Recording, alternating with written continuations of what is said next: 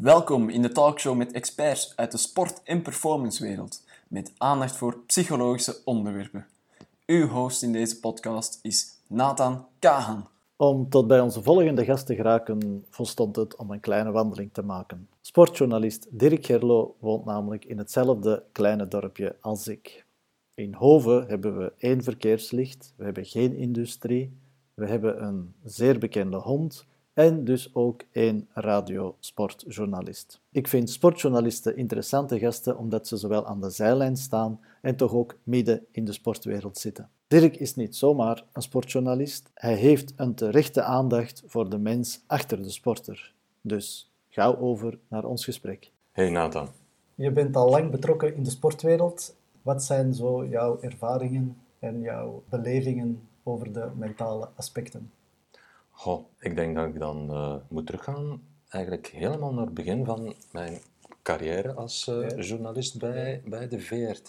Midden de jaren 80 van de vorige eeuw is dat dan. Het mentale aspect was dan, denk ik, nauwelijks ontgonnen. Mijn eerste ervaringen als journalist toen waren, ik ga voorbeelden geven. Ik mocht voor het eerst mee naar een Europese voetbalwedstrijd van Antwerpen. De legendarische wedstrijden uiteindelijk, Antwerp-Vitosha-Sofia, uit en thuis. Ik herinner mij de persconferentie van de coach, Dimitri Davidovic. En het enige wat mij daarvan bijblijft was zijn ondertussen ook misschien legendarische uitspraak: bloed aan de paal. En dat was: kijk mannen, met die ingesteldheid moeten mijn spelers op het veld komen. Ik denk dat dat op dat moment eigenlijk een beetje ja, de mentale aanpak was van de coach, de voetbalcoach. De coach die toen ook alles deed, denk ik. En jij gaat dat veel beter weten dan ik, maar ik denk dat we pas eigenlijk over het aspect sportpsychologie kunnen beginnen praten in de jaren tachtig. Mhm. Ik denk dat dat ervoor eigenlijk misschien al wel ja, ergens bestond, maar dat het, het, het, het binnenbrengen van het mentale aspect in de sport en hoe kunnen we de atleet daarin begeleiden, dat dat daarvoor eigenlijk nauwelijks ter sprake kwam.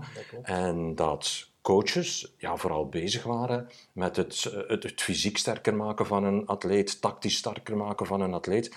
Voeding was op dat moment ook eigenlijk nog nauwelijks een onderwerp.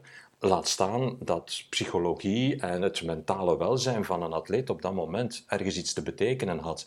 Het is pas later dat dat begonnen is. En ik zeg het, mijn, een van de eerste ervaringen was van, kijk, voilà, dat is nu de, de mentale aanpak van de coach van zijn ploeg voor de wedstrijd. Van mannen, bloed aan de paal, wat het ook als cliché mag betekenen. Maar dat was van, gaat ervoor en, en van de rest of dat spelers zich nu goed in hun vel voelden, wie er naast de ploeg stond en hoe dat die begeleid moesten worden, dat was van geen tel. Ik herinner me ook in die periode, dan zitten we eigenlijk misschien al begin van de jaren negentig, Brigitte Bécu. Ik heb heel de carrière van Brigitte Bécu kunnen volgen. Die gaat dan voor de eerste keer naar de Olympische Spelen in 88, denk ik. Een beetje later eh, podium, medaille op een Europees kampioenschap. Komt dan in Barcelona terecht. Matig resultaat. Het jaar ervoor, Perth, gaat ze er compleet onderdoor, terwijl ze topfavoriete is. In diezelfde periode Fred de Burggraven, die van zijn startblok glijdt, die er zelfs mee stopt uh, op dat moment, die wat waterpolo gaat spelen, omdat hij het mentaal nummer kan opbrengen. Maar op dat moment was er ook eigenlijk niemand om een Brigitte Bécu, om een Fred de Burggraven bij de hand te nemen en om die eens te gaan begeleiden ik moet dan ook eigenlijk wel terugdenken, weer aan die twee, aan de Burggraven en aan BQ, met de Olympische Spelen dan van Atlanta, 96, vier jaar later. En dan zie je dat Fred de Burggraven, die elke morgen om vijf uur uh, in zwembad dook in Roeselare op zijn eentje en de tegel stelde, dat die dan Olympisch kampioen wordt, een wereldrecord zwemt. En Brigitte Bécu dit jaar daarvoor Europees kampioen is, in Wenen twee keer goud pakt, nog eens op het podium staat, die als topfavoriete, als medaillekandidaat naar Atlanta gaat, maar die er daar compleet onderdoor gaat mentaal. Omdat ze op dat moment ontdekt heeft dat haar coach, die haar vriend was, een relatie heeft met iemand anders. En er is niemand die op dat moment vanuit de hele omkadering van het Olympisch Comité ja, bij machten is om, om Brigitte Bécu te helpen bij te staan op het mentale vlak. En dat vond ik ja, verschrikkelijk. Dus want ik had een goed contact met Brigitte Bécu en je zag dat hij er compleet onderdoor ging en dat hij uiteindelijk aan haar lot werd overgelaten, dat er niemand was om te zeggen van oh, we zitten hier wel met een topatleet, maar vooral met een mens die gigantische problemen heeft. En die werd aan haar lot overgelaten. En het is pas later dat je bent beginnen zien dat er meer en meer aandacht is besteed aan het, eh, het mentale aspect in de sport. En, dit jaar hebben we het enorm meegemaakt met wat er met Simon Biles, met de Turnfederatie. Eergisteren nog, denk ik, uh, Lindsey Vonn, die ergens in een artikel zegt van...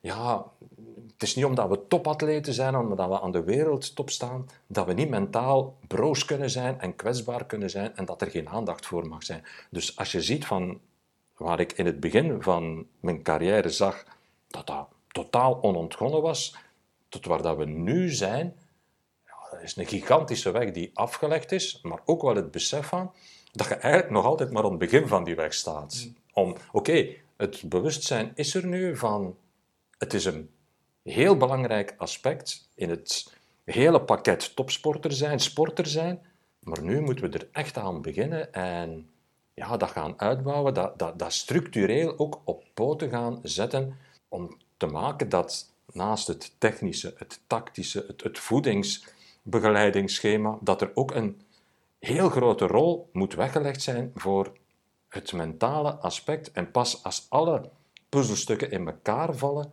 ja, dan een atleet top kan presteren. Alex Jacobs, die dat we beide goed kennen. Ja, ja die, kennen, ja, ja. ja. Ja, die dat toch ook al een van zijn laatste interviews bij jou toch emotioneel geworden is. Ja, heel. Alex die zei me dat uh, er vroeger gewoon geen sportpsychologen nodig waren. Dat het tijdsbeeld ook zo veranderd is, dat de maatschappij zo veranderd is, dat hij de indruk heeft dat er gewoon nu wel een nood aan is, maar dus vroeger niet. Ja, daar kan, kan, kan ik me iets bij, daar kan ik me iets bij voorstellen. En ik denk dat we het erover eens kunnen zijn dat de wereld vroeger misschien veel eenvoudiger was dan nu. Ik zie mijn eigen dochter bezig, jij zult uh, jouw dochters bezig zien. Wat er allemaal op mensen afkomt nu, gewoon het fenomeen sociale media. Je moet zoveel meer indrukken incasseren die er vroeger niet waren. Vroeger had je de krant, had je radio, had je tv, ook allemaal in beperkte mate, maar je had niet de meningen, de indrukken van duizenden, tienduizenden mensen. Nu heeft iedereen een mening over Naomi Osaka als ze iets zegt. Nu heeft iedereen een mening over Raja Nainggolan. Iedereen heeft een mening over alles en iedereen. En als je niet zegt van ik sluit me af van mijn telefoon en van mijn Instagram, van mijn TikTok, van mijn Facebook, noem het allemaal maar op, ja, dan, dan, dan ben je onderhevig aan van alles en nog wat. En vroeger had je met andere woorden, ja, een, een, veel makkelijkere, denk ik, relatie als coach ook met jouw spelers. Je kon veel makkelijker terecht waarschijnlijk met jouw problemen erbij. Of misschien waren er gewoon veel minder problemen, omdat er veel minder indrukken op jou afkwamen. Dus ik denk dat dat misschien wel één mogelijke verklaring is waarom dat het vroeger makkelijker was en ja, dat er minder psychologen nodig waren. Waar ik ook aan denk, en waar dat ook wel een item is dat regelmatig terugkomt, dat is dat vroeger atleten en trainers makkelijker aanvaarden wat er nodig was om topprestaties te bereiken. En dat bijvoorbeeld een Alex Jacobs, die kon gewoon tekeer gaan tijdens een training op een redelijk uh, verbaal straffe manier. Jean-Marie de Dekker heeft hier in de podcast ooit verklaard ik zou nu in de gevangenis zitten als ik, als ik nu nog trainer zou zijn. Ja, ja, ja, dreigt de slinger niet naar de andere kant over te slaan? Dat vind ik een hele moeilijke. Hè? Dreigt hij over te slaan naar het andere? In de betekenis van, we harden onze atleten niet genoeg om op het hoogste niveau mee te kunnen draaien en we moeten hen wapenen tegen van alles en nog wat, wat er vanuit de buitenwereld op hen zou kunnen afkomen. Ja. Is het niet te gemakkelijk om dan de sportpsycholoog erbij te halen? Die zal het dan wel oplossen. Ja, waarschijnlijk is dat te makkelijk, want ik denk dat het ook bij de atleet, de topatleet, in al zijn aspecten, voor een groot stuk, ik kan niet zeggen voor alles, maar voor een groot stuk wel vanuit een atleet zelf komt. de grootste talenten, eh, ja, die, zullen wel ergens de, de zelfkennis hebben om een aantal dingen correct in te schatten en om te weten van, ah, mijn coach gaat keihard tekeer tegen mij, maar ik weet dat wel een plaats te geven. En ik moet niet meteen te raden gaan bij mijn psycholoog, bij mijn, weet ik het, dat hoeft geen psycholoog te zijn, bij mijn vriend, bij weet ik het al wat, om, om dat een plaats te kunnen geven. Ik kan dat zelf wel een plaats geven. Dus ik, ik denk dat inderdaad niet alles direct mag worden afgeschoven op de coach. Ik denk wel dat wat er nu allemaal gebeurt is, neemt nu wat dat, die, die paar uitzendingen die we hebben gehad op Canvas, met de uitspraken van de volleybalsters, met wat er gebeurd is met de, de, de, de Belgian Cats, uh, noem het allemaal maar op, dat dat tot een soort gewaarwording heeft geleid bij coaches van, ja, misschien moeten wij ook wel meegaan in het evoluerende beeld van wat dan een coach moet zijn. En ik moet alleen maar niet uh, degene zijn die, ja, en, die, en fysiek, tactisch noem ik het allemaal maar op, op de top kan voorbereiden. Maar ik heb ook wel een andere rol. En ik zie wel dat er op dat vlak heel veel evolutie is. Ik volg tennis redelijk van nabij en dan zie ik in, in vergelijking met, met 15, 20 jaar geleden dat er enorme stappen worden vooruitgezet. Dat kinderen die nu binnenkomen in de topsportschool, ja, dat er meteen al gesprekken zijn met een psycholoog, dat coaches, of dat je nu initiator bent of je gaat voor trainer B, trainer A, dat er een vast onderdeel van het opleidingspakket, dat dat ook wel is, ja, het psychologische aspect van hoe ga ik om met mijn atleten. Dus ik zie wel dat daar een enorme evolutie in is, ook van we moeten de hele omkadering beter voorbereiden. Iets wat Jean-Marie de Dekker vroeger nooit nodig heeft gehad. Inderdaad, die komt brullen gelijk zot. En die, die, die judoka's, eigen aparte wereld, niet, niet onbelangrijk, ja, die gingen daar allemaal makkelijk mee om. En dat is, dat is deel van de cultuur. Ja, ik incasseer dat, punt. Maar daar is wel een enorme verandering in gekomen. Ik vind wel ook een verandering ten goede, moet ik zeggen. Hoe ben jij erin geslaagd om de mentale aspecten die dan niet altijd meetbaar of zichtbaar zijn, om die te verwoorden? Dat vind ik ook heel moeilijk. Je bent vooral bezig met aan de luisteraar duidelijk te maken met wat je ziet. Er is geen beeld. Dus ik als radioverslaggever moet ja, vertellen wat ik zie, wat de actie is, wat het gevolg is van de actie, of wat het tot een overwinning, tot een nederlaag leidt. Maar ik probeer ook wel bij momenten, en dan ga ik terug naar tenniscommentaar bijvoorbeeld. Ik probeer ook wel in cruciale momenten een breekpunt tegen, een matchbal tegen, het matchpunt hebben, probeer ik wel. En ik moet zeggen, dat helpt een beetje uh, als recreatieve sporter te hebben getennist en zelf wat interclub, uh, hier en daar wel een toernooitje te hebben gespeeld. Dan beseft je wel van, oké, wat gaat er door die speler die daar nu staat op centercourt in Wimbledon? Wat gaat er nu door die gast of die vrouw, haar en zijn hoofd, als je een matchbal tegen hebt? Hoe gaan die om met die gigantische druk? Want uiteindelijk, een van de 160.000 leden van Tennis Vlaanderen, die in het weekend een interclub speelt en die een matchbal tegen heeft, die gaat ook om wel met die gevoelens. Hoe, hoe ga ik nu reageren op die matchbal tegen? Hoe ga ik nu reageren op de opslag van mijn tegenstander? Ga ik vrijuit kunnen spelen? Ga ik ingehouden spelen? En als ik dan een matchbal zie van, uh, van een Djokovic, matchpunt tegen, de Wimbledon-finale van een paar jaar geleden tegen Federer. Federer heeft twee matchpunten. Wat gaat er dan om in het hoofd van Djokovic? En dan helpt het misschien een klein beetje van zelf ergens eens op een veld te hebben gestaan en op een totaal ander niveau, maar wel ja, met, die, ja, met dat gevoel te hebben gezeten van hoe moet ik hier nu op reageren? En dat probeer ik dan op een of andere manier toch wel eens te verwoorden. Het is een clichévraag ook van, van, van de journalisten, ook zeker in de sport, van ja, wat ging er door jou heen op het moment dat je dat... Wel, maar dat gevoel dan op het moment zelf proberen te omschrijven. Niet de vraag stellen, maar ook het moment te proberen pakken en om te zeggen van ja, dat heb ik toen beleefd. Ik heb dat toen ervaren, zo van... Dat is, ja, dat is verstikkend, dat gevoel. Ah nee, dat is het gevoel van... Nu kan ik echt alles geven, want... Goh, of dat ik hem nu raak of of ik hem nu niet raak, ja, het zal dan toch afgelopen zijn. Ik, ik moet alles op alles zetten. Dat gevoel, dat denk ik dat dat sporters ook op het hoogste niveau hebben. En dat een beetje onder woorden proberen brengen. Het is niet evident, maar ik probeer dat toch soms wel te doen. Ik denk dat een goede verslaggever daar wel een, het onderscheid kan in maken. Ja. Dat je meer kan zeggen dan Ja. gewoon de actie die dat je ziet. Ja. Maar Ah, dat- ja. Nog zoiets bijvoorbeeld, eh, ik doe nu niet veel atletiekverslaggeving meer, maar Jammer. bijvoorbeeld, en, en jij hebt ervaren als, als, als toploper, als je zelf hebt ervaren wat het is om duizend meter te lopen in minder dan drie minuten, ja, en je ziet dat dan gebeuren, dan kun je ook aan een luisteraar wel, denk ik soms, beter omschrijven, het gevoel geven van wat dat, dat betekent.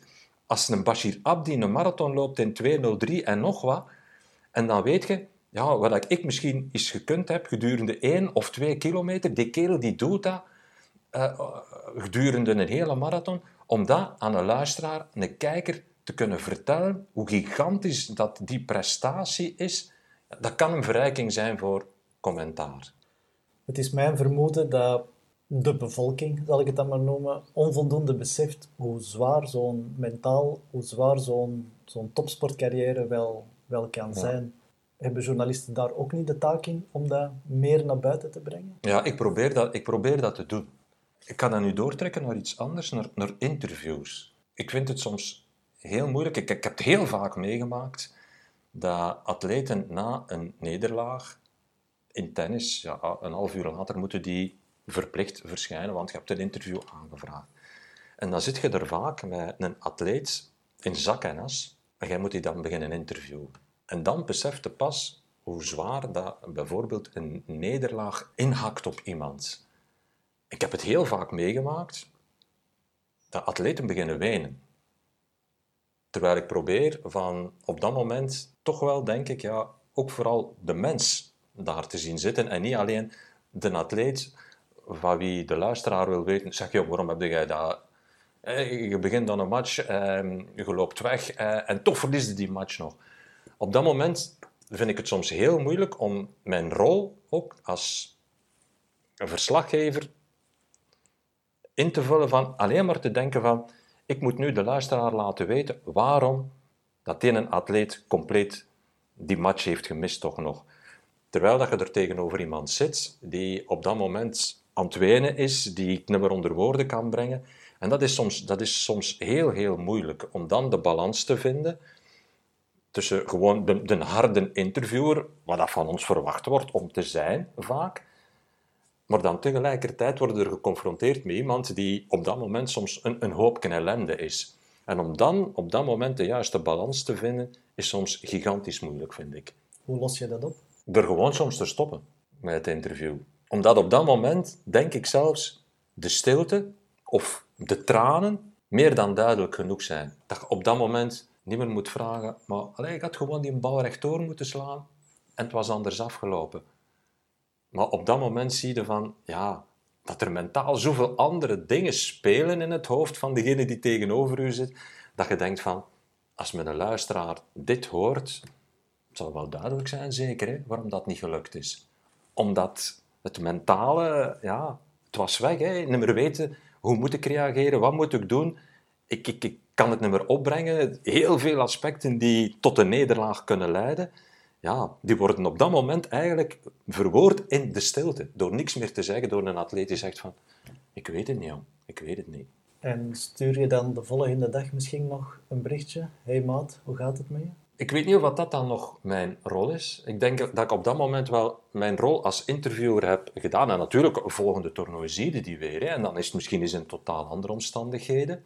En dat dat allemaal goed is geweest. Hè. En ja, op dat moment, door vaak de atleet in zijn eer te laten, in een moeilijk interview, kun je misschien de volgende keer een veel beter interview doen. Omdat Je Ja, bouwt, je bouwt krediet op. ja, je bouwt krediet op. Hey, het is ook wel belangrijk om te beseffen, de, de journalist is niet de mentale begeleider van de atleet. Dat, dat, dat hoeft mijn taak niet te zijn. En ik mag inderdaad vragen van, wat is er fout gegaan en had het niet beter anders? Of, dat, dat moet ik en dat mag ik doen.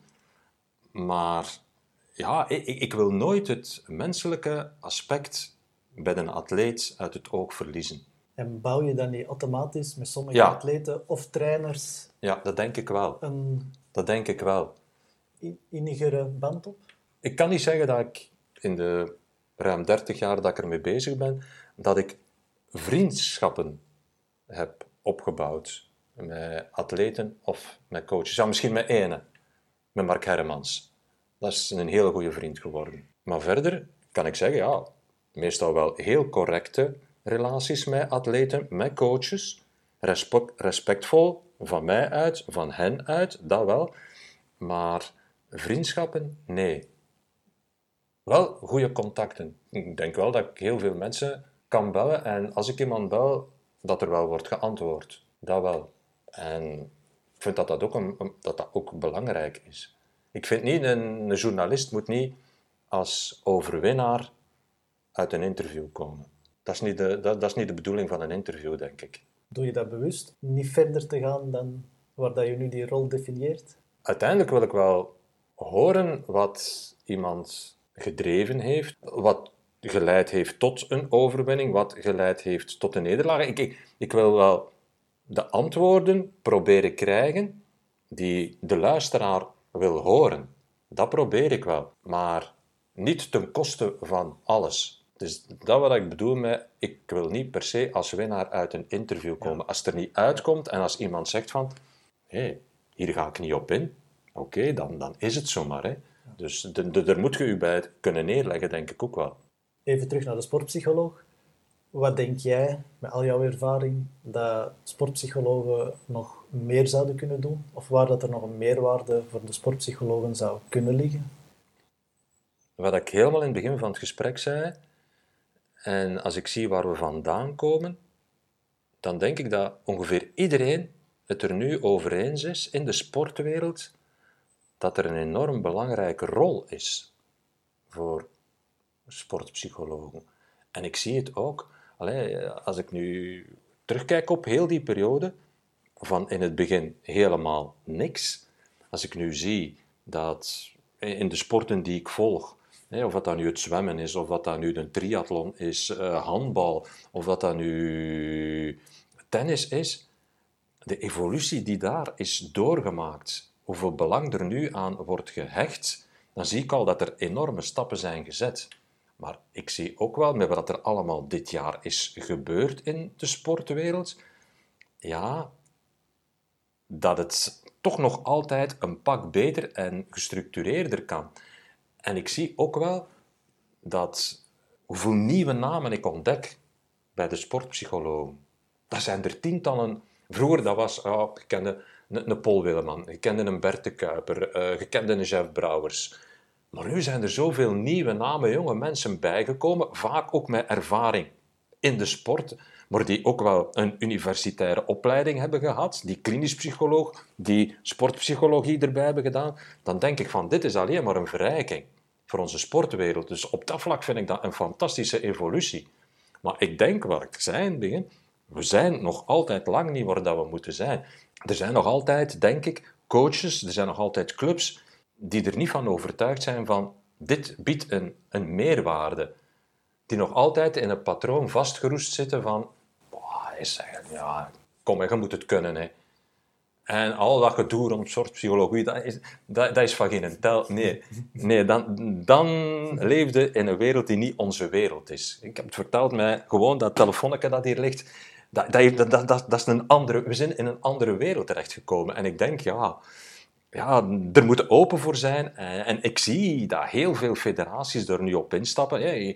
Twee weken geleden nog, denk ik, naar aanleiding van eh, de, de incidenten op de Boshuil met die match, eh, dat ze allemaal door het lint gingen op het einde van de eerste helft, op het einde van de tweede helft. En heb ik gebeld met Chris Perky, die ook nu bij de Voetbalbond bezig is met een traject uit te zetten voor begeleiding.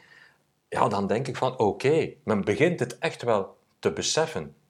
Dus kan niet anders zeggen dan dat ik vind van ja, dat zijn allemaal zeer positieve evoluties.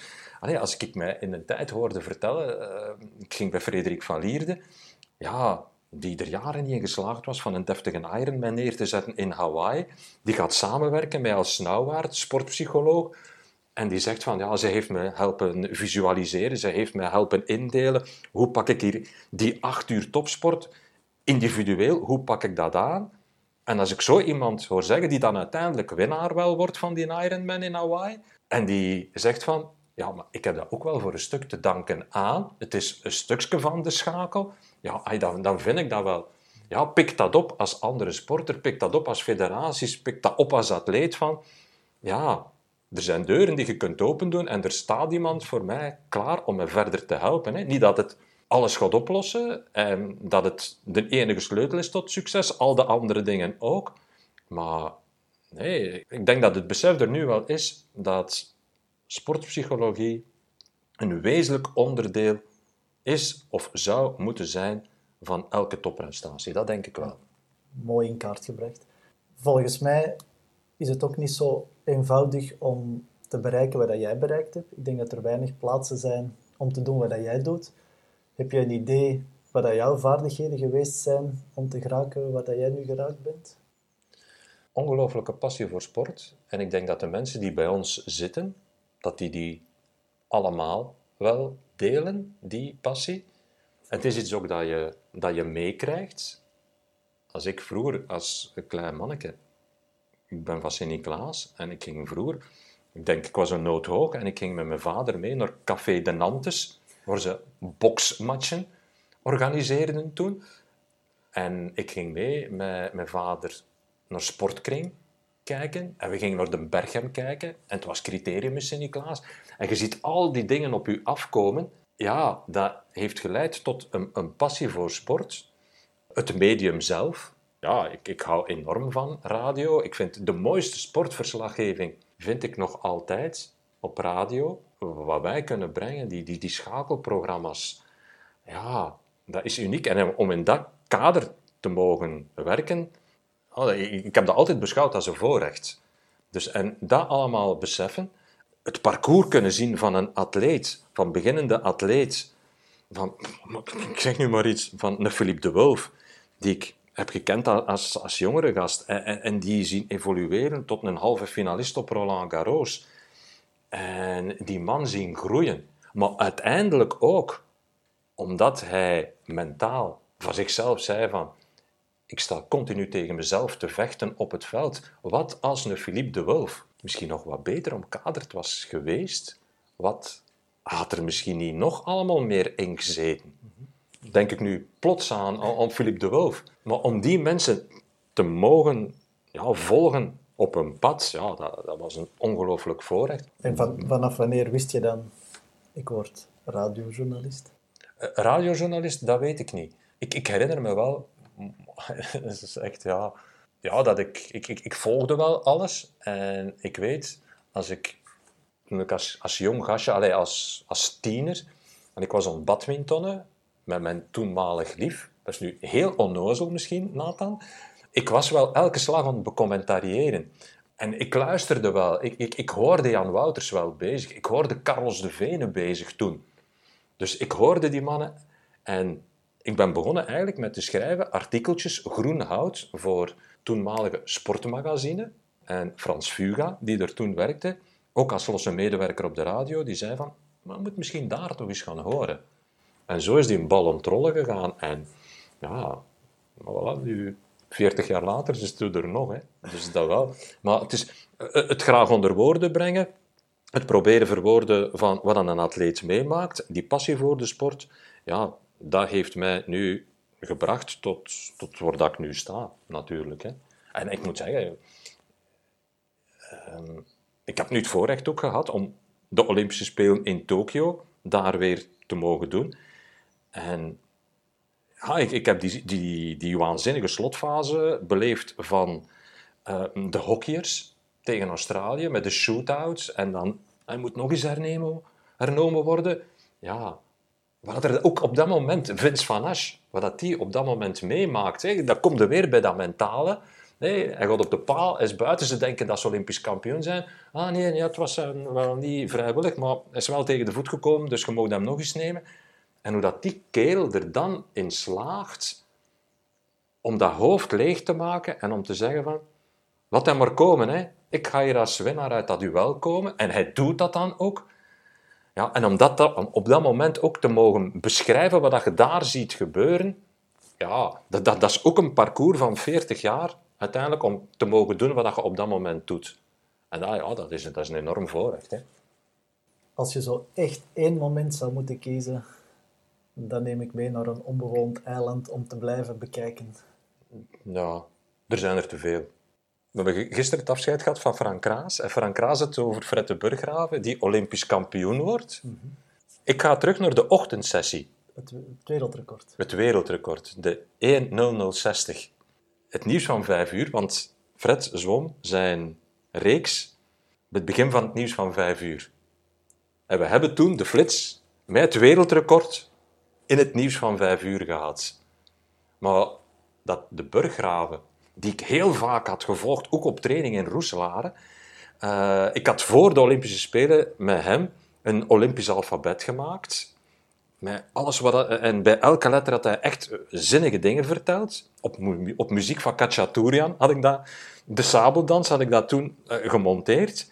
En ik zag dat toen allemaal in die ene minuut waar worden. Alles wat hij had verteld, alles wat hij voor had geleefd gedurende al die jaren, al die opofferingen. En in die ene minuut, in het nieuws van vijf uur, zwemt hij die 1.0060 en dan dat vingertje en hij kijkt.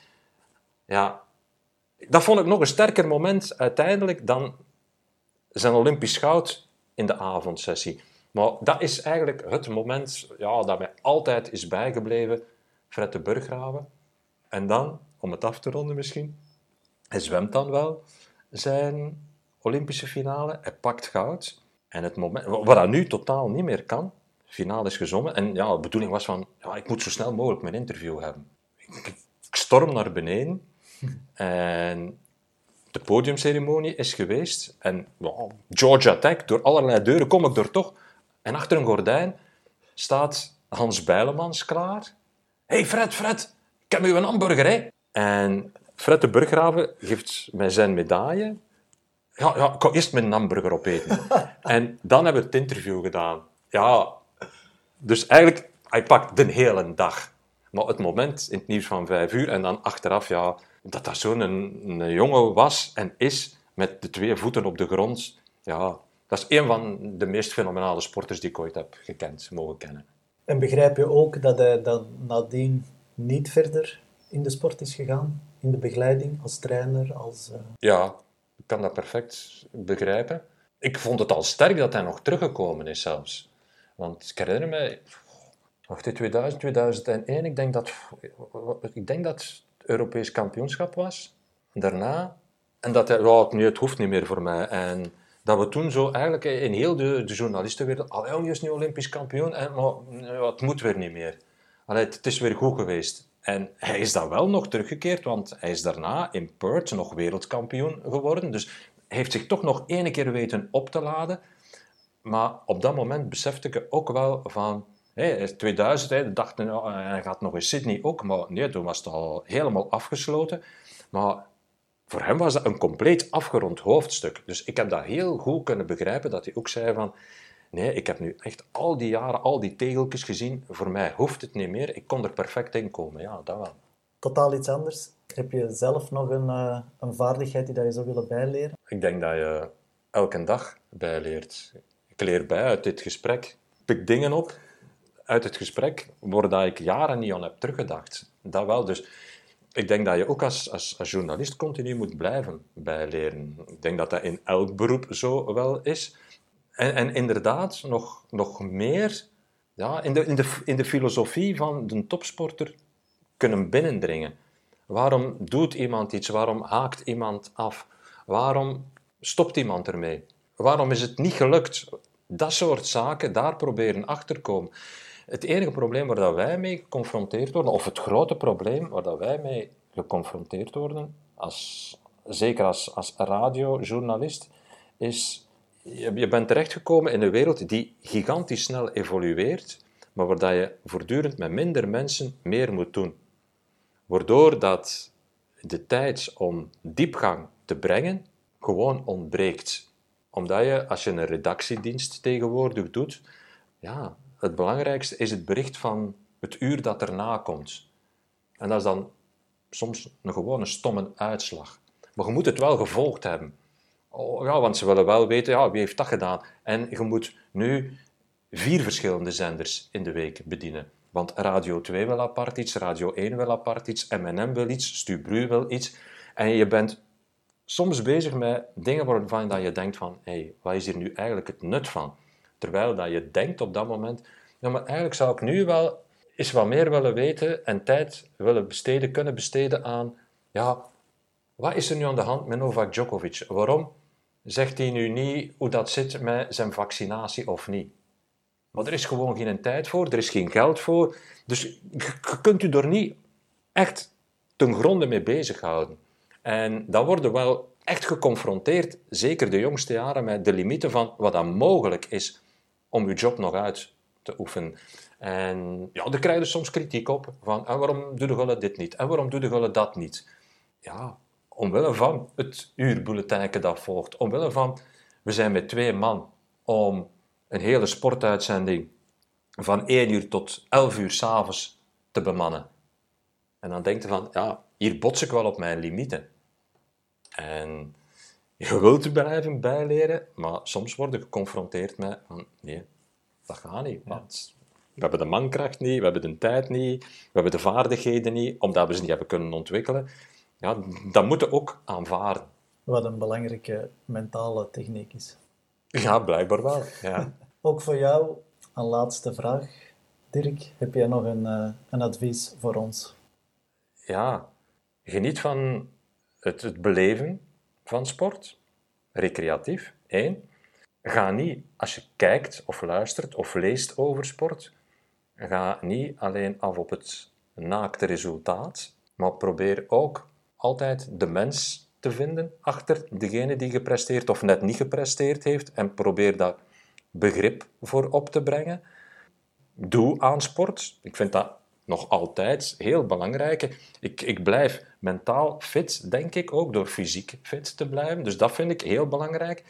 Maar probeer als je kijkt en als je sport beleeft, van niet alleen naar het naakte gegeven te kijken, maar alles wat er van vooraf gegaan is aan voorbereiding om tot een resultaat te komen. En om dat dan ook mee te pakken in uw evaluatie van hij heeft het goed gedaan of hij heeft het slecht gedaan. Ze heeft het goed gedaan, ze heeft het slecht gedaan. Maar de mens erachter te zien en het totaalplaatje meer dan alleen maar het naakte gegeven. Bedankt voor dit gesprek. Alsjeblieft.